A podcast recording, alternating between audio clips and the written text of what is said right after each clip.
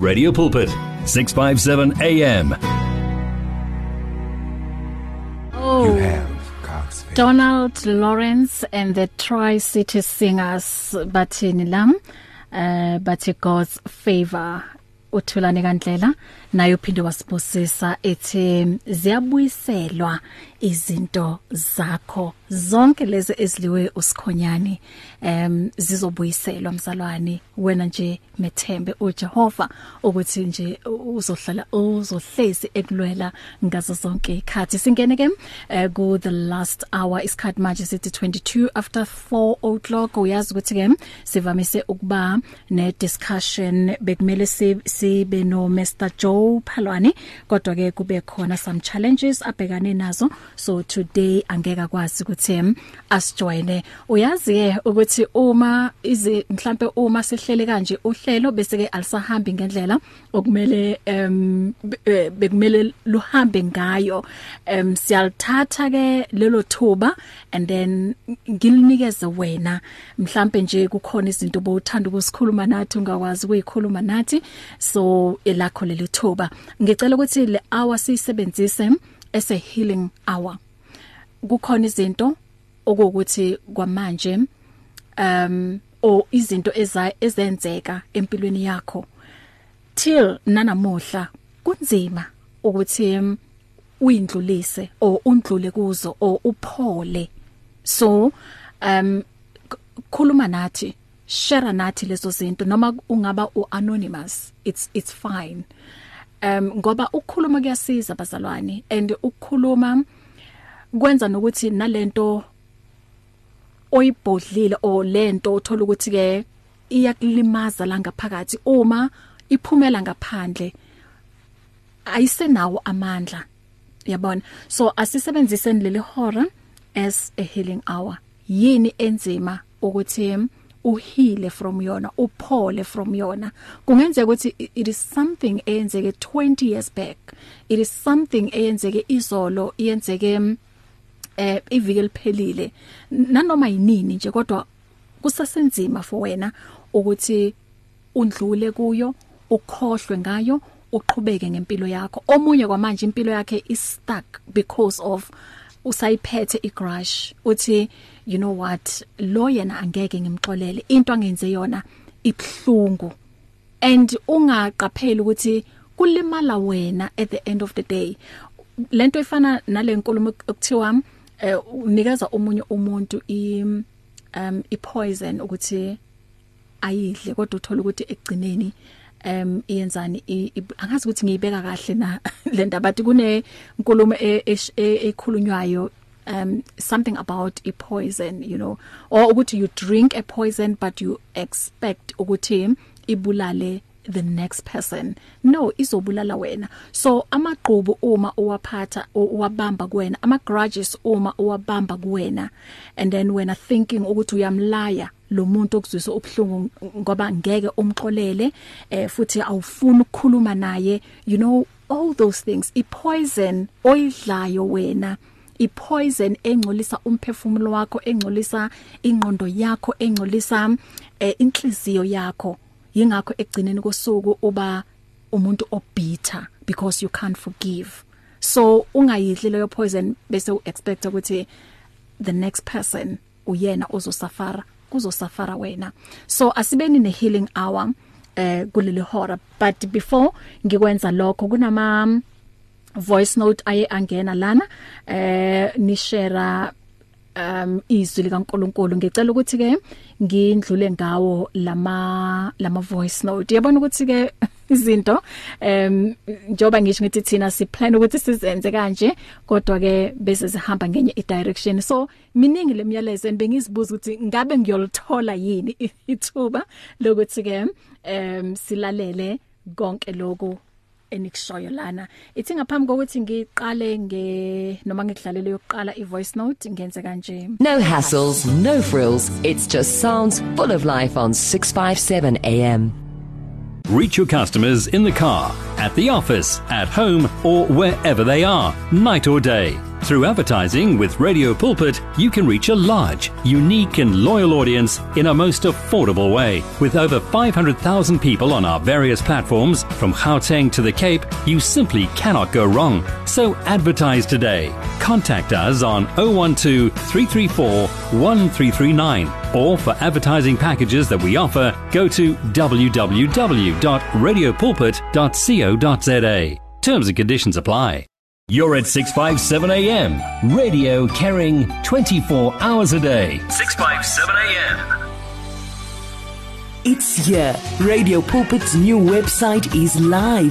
You can tune in at radiopulpit.co.za and enjoy crystal clear sound with just a click of a button or listen to our podcasts. Discover biblical truths in our daily devotionals and let our stories of hope inspire you. You can download our app on this new look, easy to use platform. Find your favorite program, get to know our presenters, and so much more at radiopulpit.co.za. Radio Pulpit, your daily companion. Yebo, yebo bazalwane saqhubeka indaba ye Radio Pulpit Golf Day. So 8th of April Wingate Park Country Club akube lapho sihlangana khona. Eh uma uthanda uspenda a day nami uthanda ukuspenda isikhathi nami nali ithuba sikunikeza lona. Um kune presenter auction. So uma uthanda ukuspenda usuku lwakho nobahle on the 8th of April noma usibongile mfukeng eh umphophutini um ugiven masilela um Thompson Mashakeni Godfrey Mwabi hey banenge pastor Ray Lehodi. Wena nje kuzophuma kuwena ukuthi ubani lo muntu noma omunye abasakazi othanda ukuspenda usuku naye. So nali ithuba. Eh, ibidding ke iqala ngo 2000 rand meaning ukuthi uma uthanda ukuspenda usuku nami um ibidding izoqala ngo200 kusho ukuthi uzofaka u200 rand i mean 2000 rand.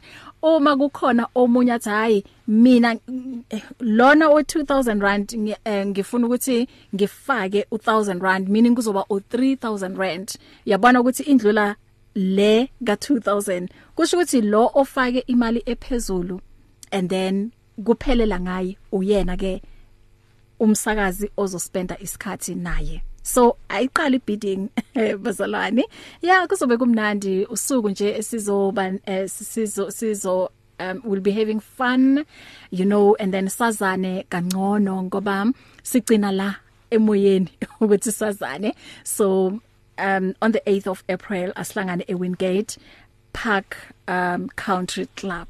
Okay, njoba ke ngithe asisebenziseni leli hora ese healing hour ethi ngithatha umlalelo oqala lana sawubona dumelo semoyeni.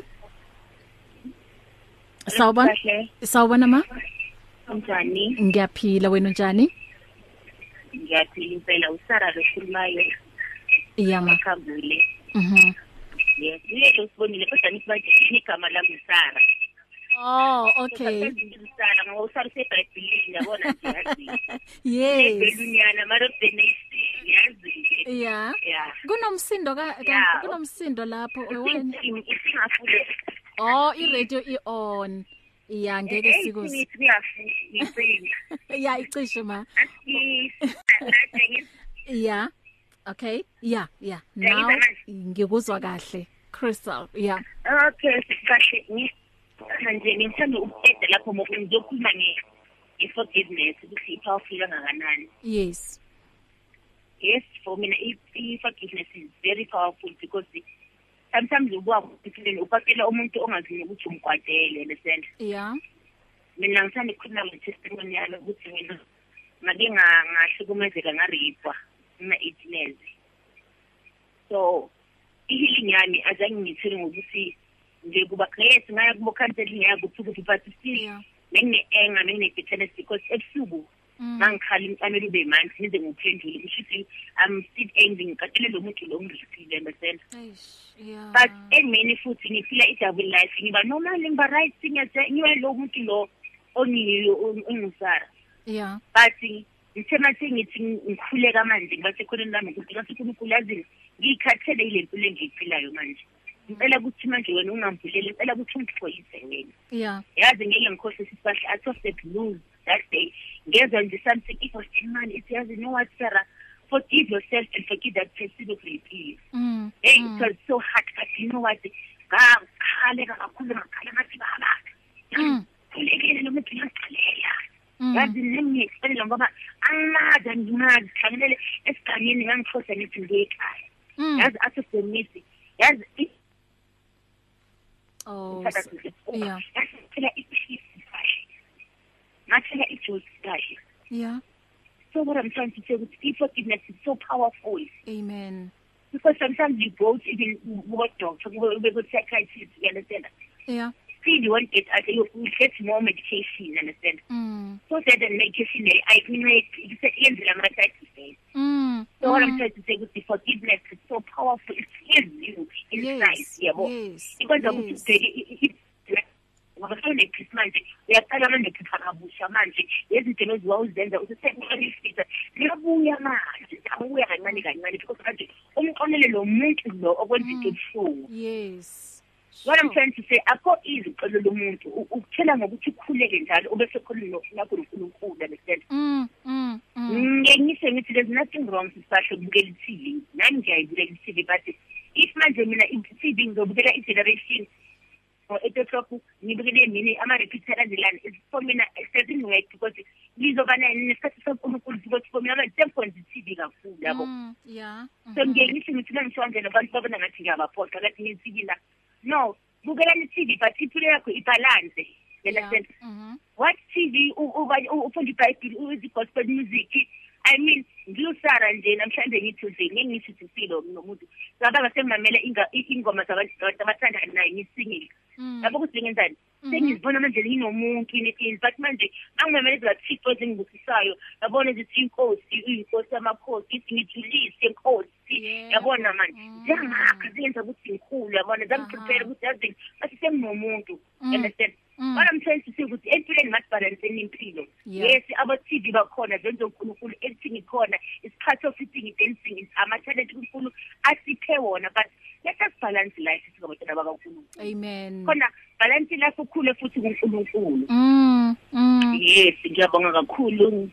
Ngikuzwa kahle. Yazi ngikuzwa ngikuzwa kahle sisara yes forgiveness i, powerful. In fact i, i forgiveness i medicine oyidingayo ukuthi uphole la ngaphakathi enhlizweni. Ngiyabonga sisibahle yes thank you mama. Thank you bye. Bye.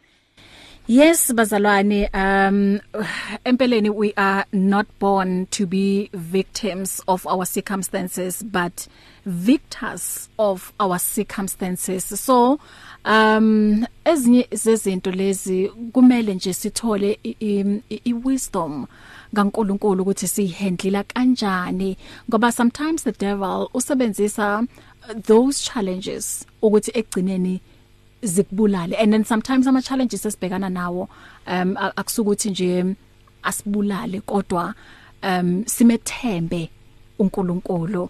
Ya uyasho lana um um ithi ngibone? All right um ithi ngibuyele kulawa ma WhatsApps okuthi eh, bengicelile ukuthi sishereleni izwi. Ithi ngiqale ngalena yaka sisilungile madinani. Uthi good day sisibahle. My message for today ithi how amazing that we can submit ourselves to God and he will come near to us think about it He is the God of the universe, the creator of all things, and he chooses to come near you. Um usharela la from incwadi ka James 4 verse 8. Come near to God and he will come near to you. Thank you so much sisilungile inamandla ngempela lendaba. Uh ithi ngiye la ku Ithi ngicela silalele nansi enye ivoice note. Izothatha isikhashana bazalwane.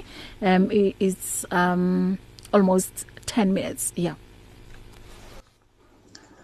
Angibingelele kuwena sisubahle enhlapho nakumlaleli ekhaya weRadio Pulpit. Eh lamgama ngingibongosi ngokwamkhonza ngilapha endaweni yase Bidretif eMkhondo. Ngiyafisa nje kafishane bazalwane ukuthi nami ngishare nandi izwi elitholakala lapha encwadini kaJohane chapter 11 sofunda nje amavesi azothi kuba maningana but I will try ukuthi ngibe mfishane. Likhuluma ngendaba yokuvuswa kukaLazaro kunamandla uNkulunkulu awavezayo la kunento uNkulunkulu ayivezayo la kunezinto uNkulunkulu engicabanga ukuthi umlele ekhaya zizomsiza kakhulu.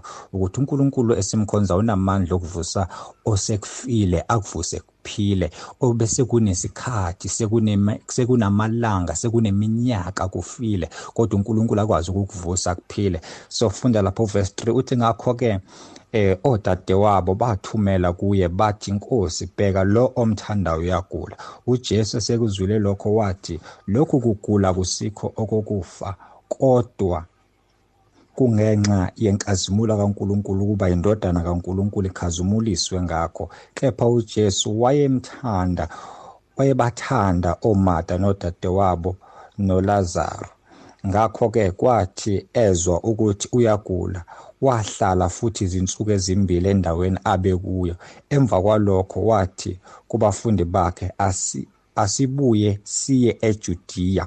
Kunendaba kule ndaba mlele ekhaya siyathola ukuthi uLazaro ayekade ongumhlobo kaJesu and aba abodadewabo uMartha noMaria sebayathumela kuJesu kuyosho ukuthi Jesu lo omthandayo uyagula uJesu akagcini nje ngokuzwa kuphela kodwa uyaphendula uJesu uthi lokhu kugula akusikho kokufa kodwa kungenxa yenkazimulo kaNkuluNkulu kuba indodana kaNkuluNkulu ikhazimuliswe ngakho. uNkulunkulu ulalela kunento ayivezayo la ukuthi noma egula kodwa kunento uNkulunkulu afuna ukuyiveza ukuthi kukhazimuliswa amandla akhe. Akagcini nje lapho kuphela ujike akayi ukuyobona umhlobo wakhe ogulayo okungilazaro ukuyomsindisa kulokho kugula lokho ngoba uzokhumbula ukuthi uNkulunkulu uJesu wayekade baphulukisa abantu ebasiza abantu abagulayo bephila abantu. Ngaye uJesu la ayehamba khona ngaleso sikhathi. Lapha bayathumela bathi umhlobo wakho lomthandayo uyagula. Kodwa uJesu asimtholi eya ngaleso sikhathi bemtshela ukuthi lo omthandayo uyagula. Kodwa uthi akaguleli ukufa. Sesithola lapha ku verse 6 ukuthi esekuzwile lokho waqhubeka wahlala izinsuku ezimbili. Nkosi yami lalela. uJesu esembizile sebembizile kodwa uyaqhubeka uyahlala izinsuku ezimbili. Akagcini nje ngokuhlala emva kwalokho wathi kubafundi bakhe abaye eJudiya. Kanti Jesu awuzwanga yini ukuthi lo omthanda uyagula na? Cha uzwile. Kodwa khumbula phela ukuthi utheni? Uthe lokhu kugula lokhu akusikona kokufa. Kodwa kufuneka kukhazimuliswe amandla kaNkuluNkulu. Asigijime siphuthume lapha kuverse 21 lithi wayesethu Martha kuJesu Nkosi uma ubukhona umne wethu nga angafanga. Khumbula uLazaro lawa ekade esefile esenezinsuku ezine ese encwatshiwe noma embelwe. Kodwa bese uyafika uMartha kuJesu uthi uma ubukhona umne wethu nga akafanga. Ngoba sokhumbula uJesu mangabe ehambile nabafundi bakhe beseJudiya sebeyabuya. Uzakhumbula ukuthi nawu ngiyabe ngibizwe lapha ukuthi umhlobo wami uLazaro uyagula. Ake ngiye khona ngoba wayekade sazi uJesu ukuthi sekwenzekile lokhu bekufuneka kwenzeke icebo likaNkuluNkulu selenzekile. Noma lokhu uNkulunkulu afuna ukuthi kwenzeke sekuzokwenzeka ke manje. Ngoba wayekade sebaphilisile abantu ebakade sebalaphila abantu bephile. Kodwa ngenxa yokuthi kwase kufuneka kubonakala ukuthi nosefile izinsuku sezizine embele. Uyakwazi ukumvusa uNkulunkulu. Ingakho mangabe sefika uMartha uyazi ukuthi uMartha kube wena uJesu bukhona. Ngabe umnewethu akafanga kodwa siyamthola uJesu ethi eh ufunda uverse 33 ethi ngakho ke uJesu embona ekhala nabaJuda abafika naye bekhala. Wabubula emoyeni wakhathazeka wathi nimbekephi na? Lalela uJesu uzawufika abuze ukuthi bakubekephi na? Uzathi mangabe buya uJesu empilweni yakho uzobuza zonke lezi zinto ocabanga ukuthi seyifile wena empilweni yakho ukuthi kuphi na? Uzofika uJesu ezozivuza ezozivusa lezo zinto lezo. Lithi bathi kuye Nkosi woza ubone. uJesu wakhala izinyembezi. Yiba ngumhlobo kaJesu. uJesu uzokhathazeka ngaba yiba inhlamvu yeso lakhe isho njalo incwadi kaZakhariya uchapter 2 ufunde uverse 3 uverse 8 lithi wena uyinhlamvu yeso likaJehova. Liverse uverse 6 uthi ngakho ke abaJuda bathi bheka ukumthanda kwakho okungaka kepha abanye kubo bathi lo owavula amehlo ezimpomputhi wayengekwenze yini ukuba yena lo angafi na? Lalela. Abantu noma bazi ukuthi uNkulunkulu wakho uyaphila bazobona ngazathi akasebenzi. Beze bebuza ukuthi uphi kanti lo uNkulunkulu wakho omkhonzayo? Akusho ukuthi uNkulunkulu akekho mlaleli ekhaya. Lalela uNkulunkulu khona kodwa uNkulunkulu kunento afuna ukuzoyiveza. Ngenza ngicabanga ukuthi isimo sakho is beyond repair. Lalela uNkulunkulu our God is able to repair. uNkulunkulu wethu lalela uyakwazi ukudala into ebekade sifile ayivusa. Lithi ngakho ke uJesu ebubula futhi phakathi kwakhe wafika ethuneni lalingumhume kwakukhona itshe phezu kwawo. Wathi uJesu susani itshe. uMata udadewabo wofileyo wathi kuye Nkosi usenuka ngokuba sezizini. Lalela noma kuthiwa sezizini noma kuthiwa semingaki iminyaka noma kuthiwa sekunuka noma kuthiwa sekunephunga elibi kodwa uJesu unamandla okuvusa okufileyo. Angiphuthume ngivala uJesu wathi kuye angishongo yini kuwo ukuthi uma ukholwa uza kubona inkazimulo kaNkuluNkulu na? Lalela uma ukholo uzoyibona inkazimulo kaNkuluNkulu empilweni yakho. Siyiphi lesi simo lesi wena ocabanga ukuthi ngeke inkazimulo kaNkuluNkulu ibonakaliswe phezu kwakho na? Lalela. Lithi izwi laNkuluNkulu verse 41 balisusa itshe kepha uJesu waphakamisa amehlo wathi baba ngiyakubonga ngokuba ungizwile. Bengazi bengazi mina ukuthi ungizwa njalo. Kodwa ngenxa yesixuku esingiphahlileyo ngishilo lokhu ukuze bakholwe ukuthi nguwena ongithumeleyo lalela uthunyiwe. Nako yakhe impilo uthunyiwe. Esekushilo lokho esekukhulumile lokho wamemeza ngezwi elikhulu wathi Lazaro phuma. Waphuma ofileyo eboshwe izinyawo nginezandla. Lalela noma kuthiwa yini lekade iboshiwe noma kuthiwa yini lekade isifile. uNkulunkulu esimkhonza unamandla okuvusa okufileyo.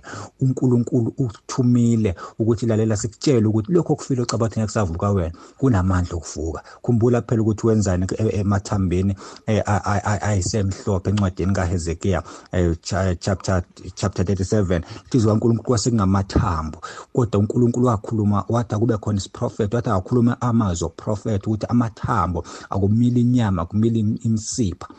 Mlaleli ekhaya ngiyivala. Konke lokho ocabanga ukuthi wena kufile kuzovuka. uNkulunkulu esimkhonzayo unamandla. Ngiyabonga kakhulu ngixolise ngokuthi ngilula kakhulu eh sesibahle. Kodwa nje indaba isenhlizweni yami leyo ukuthi uNkulunkulu esimkhonzayo unamandla okwenza izinto ezinkulu unamandla okuvusa izinto ezifileyo. Never give up mlele ekhaya. uNkulunkulu unamandla uJesu Kristu waseNazaretha esimkhonzayo unamandla mm. Wow siyabonga kakhulu la go kubaba uh, umkhonza ukuthi asherele izwi ngempela uNkulunkulu esimkhonzayo unamandla. Uyakwazi ukukuvusa nalokho kufile um ama scriptures owasherile nathi um kulentambama nawo mahle kakhulu. Um njoba bengisho bazalwane ukuthi leli hora asilisebenziseni um as a healing hour and wona lamazwi abasherela wona la abafundisi ngiyathemba ukuthi ke ukhona umuntu um ophilayo ngawo. O umuntu okuwukuthi um mhlawumbe izinto bozibona ngendlela enegative uyaqala manje amehlo ayavuleka uzibona lezinto ngamehlo manje a positive it isiphinde sithathe futhi nawo omunye umyalezo Greetings in the wonderful name of Jesus Christ. Bahle eh ukhuluma nolindiwe wakwamsuthwana eSlovo eSprings. Nginezwi lana engilitholile namhlanje elingibusise kakhulu lapha yana ku First Samuel chapter 1 ungaqala nje ufunde lapha ku 13 14 15 eh in esizulu lifundeka kanje uHana waphendula wathi hayi inkosi ngingowesifazane ohluphekileyo. Angiphuzanga iwayini naphuzo olunamandla kepha bengithulula umphefumulo wami phambi kukaJehova. So ungazifundela nje uqhubeke nalo.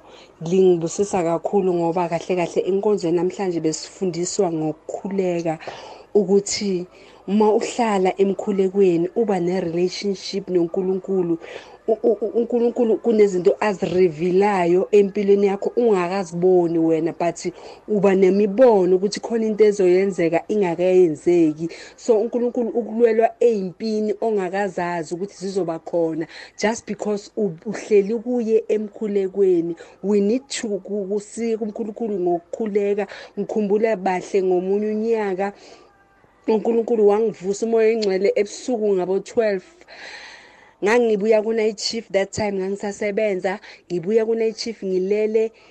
So uma ungcwele makangivusa ukuthi vuka ukhuleke vuka ukhuleke. Kunanto ethi mose ngiphethe ubuthongo ngikhuleke kanjani? Ngiphethe ubuthongo. Kanti that moment kwenzeka ukuthi my younger sister ongilamayo wangena ku accident same time leyo waye involve ku accident mangivuka ngikhuleke sengithola ikhona ukuthi sisi wami usesibhedlela ungene ku-accident. So ngifuna ukusho ukuthi umoya engcwele kunezinto akutshela zona if uhleli kuye emkhulekweni. So ngithanda ukusho encourage abazalwane ukuthi masihlaleni kuNkulunkulu masihlaleni emkhulekweni. Iba ne-relationship noNkulunkulu uzokwazi ukuthi uma ukhuleka uNkulunkulu uyoshesha ukukuzwa.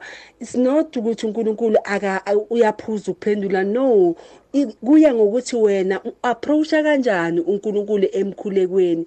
Ngiyabonga mama. Asifaneni noHana uHana wahlala kuNkulunkulu wakhuleka lapho sebathi khona uphuzile udakiwe wathi la phendula khona uthi angiphuzanga ngithulula umphefumulo wami kuNkulunkulu. Cause uHana there's a time la wayethi mayekhuleka khona kwakungasazwakali amazwi but kwase kunyakaza indebe zomlomo kuphela because wayethula wayethulula umphefumulo wakhe wayethulula umoya wakhe kuNkulunkulu through prayer.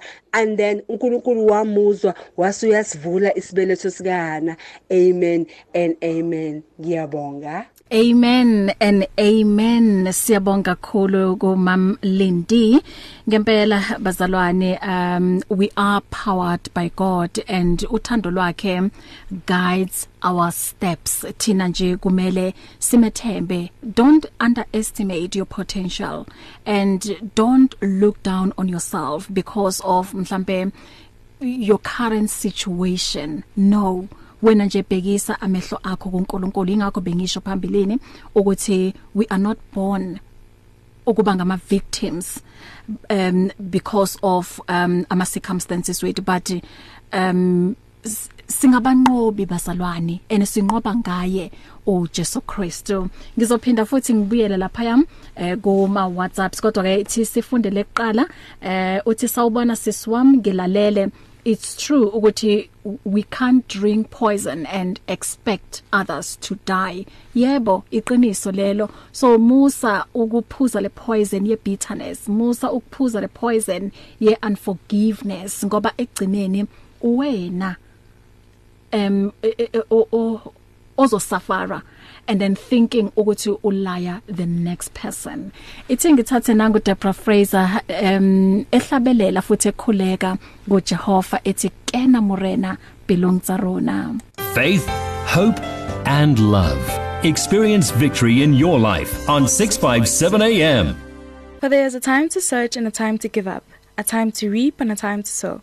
Radio Pulpit wishes to be there at all times, even when you just need prayer. Send us your prayer request by calling 067 429 7564 or email it to prayer at radiopulpit.co.za. Many people across South Africa are being blessed and encouraged by the Radio Pulpit devotional magazine, The Word for Today.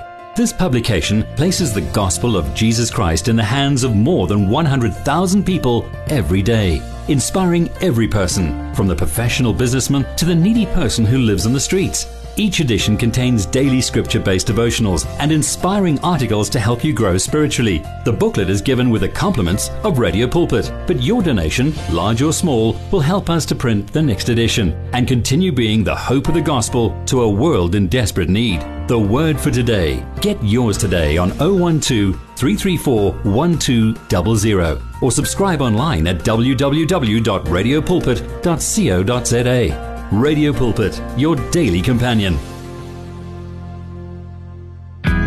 Be doers of the word with 657 AM. Sounds of life.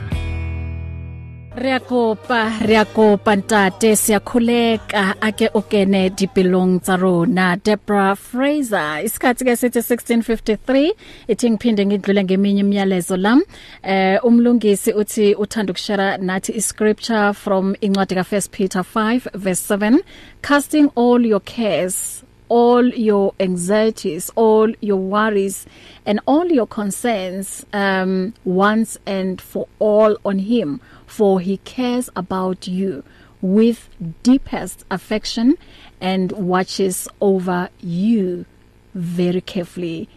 First Peter 5 verse 7 siyabonga ku kumlungisi ukushare nathi leliswi eh ufer ufer Ferdinand Ferdinand ya.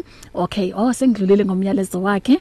Ya ube supporter le ndaba ngisho ukuthi you unga ungeke expect umunye umuntu um afe ukuthi uwena odlile ipoison. Um omunye la uthi greetings made servant of God. This scripture always reminds me that nothing is impossible to God for he really cares about us. Yeah ile sa scripture saka 1 Peter 5 verse 7 amen mfundisi Patrick ngi okay no angazi mfundisi Patrick. Okay um u Ferdinand uthi ushare nathi ihubo 31 verse 1 ubusisiwe loyo isiphambeko sakhe sithethelelwe isono sakhe sisibekelwe iqiniso ngempela. Psalm 31 um verse 1 ake sizwe ukuthi ke uthini la ukhalimambo?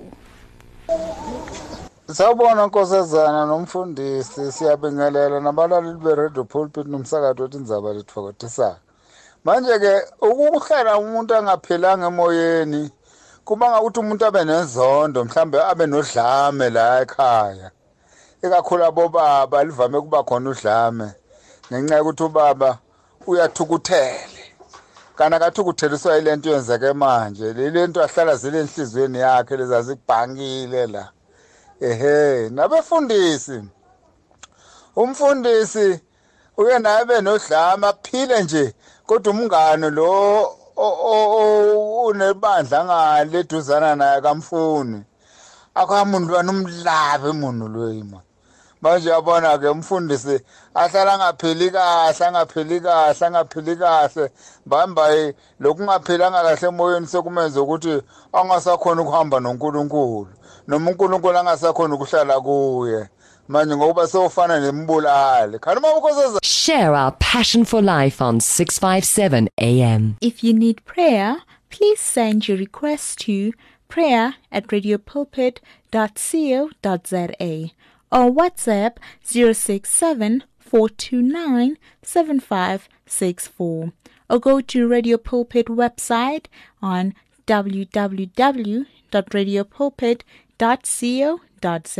You can now buy your favorite programs and series of the past 38 years on eCompanion, Radio Pulpit's own online shop. Revisit programs by beloved presenters like Justice Chungu, Cecile Burger, Esti Geldenhuys, and Pastor Aaron Jelle. Books and CDs from various authors and artists, as well as Radio Pulpit t-shirts, caps, and other branded products will also be available on eCompanion, your one-stop soul food shop. Visit radiopulpit.co.za and click on shop. T's and C's apply. From your ear to your heart to your mouth to your feet. Join this life on 657 AM. Mm isikhathi ke sithi angidede um njengoba ke kuyimzuzu emithathu ngaphambi kwehora lesihlanu. Ngiyabonga kakhulu lapha ya ku Kalimambo ya ngezwe abantu abaningi bakhuluma ngayo indaba ye forgiveness yebo ukuxolela into ebalekile kakhulu kodwa ngeke ukwazi ukwenza wena uwedwa. Udinga umoya ongcwele udinga uNkulunkulu ukuthi ke akusize kulokho. So ngiphuma nje engakusho ukuthi musa ukukhohlwa ukuthi your source of life ubani? nguNkulunkulu. Our source of life is God bazalwane. So we need to submit ourselves fully emandleni akhe.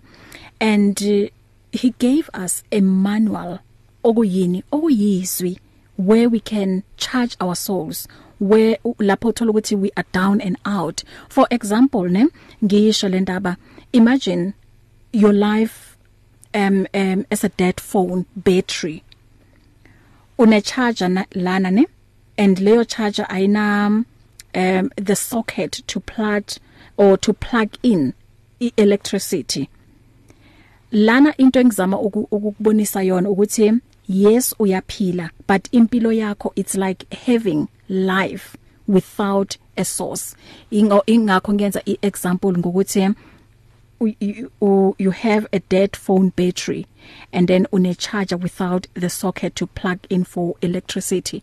So izofa leyo phone ngoba akunala uyicharge khona. So thina sicharge kubani? kuNkulunkulu. Thola amandla thola ubuhlakani thola ukuphila thola konke kuJehova. Ngicela ukuthi ke ngiphume uzongena u uPastor Ray Lehodi.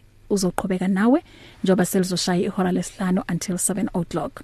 Kusasa ke ekseni ngikhona 4 am until half 5 angikushiyi wedwa ngikushaya nalomhlabelelo kaMutswedi ethi it, it is over. Give your faith wings. Explore life with 657 am You are with Radio Pulpit AM 657, your daily companion. My name is Ephraim. Would you like to know how you can reach more audience through various advertising platforms? Contact me on ephraim at radiopulpit.co.za for more information on our tailor-made, budget-fitting options. Wishing you a successful and blessed year further.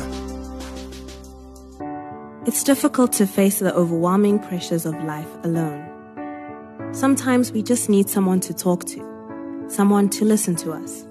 And what better way to do that than through a quick and easy WhatsApp text?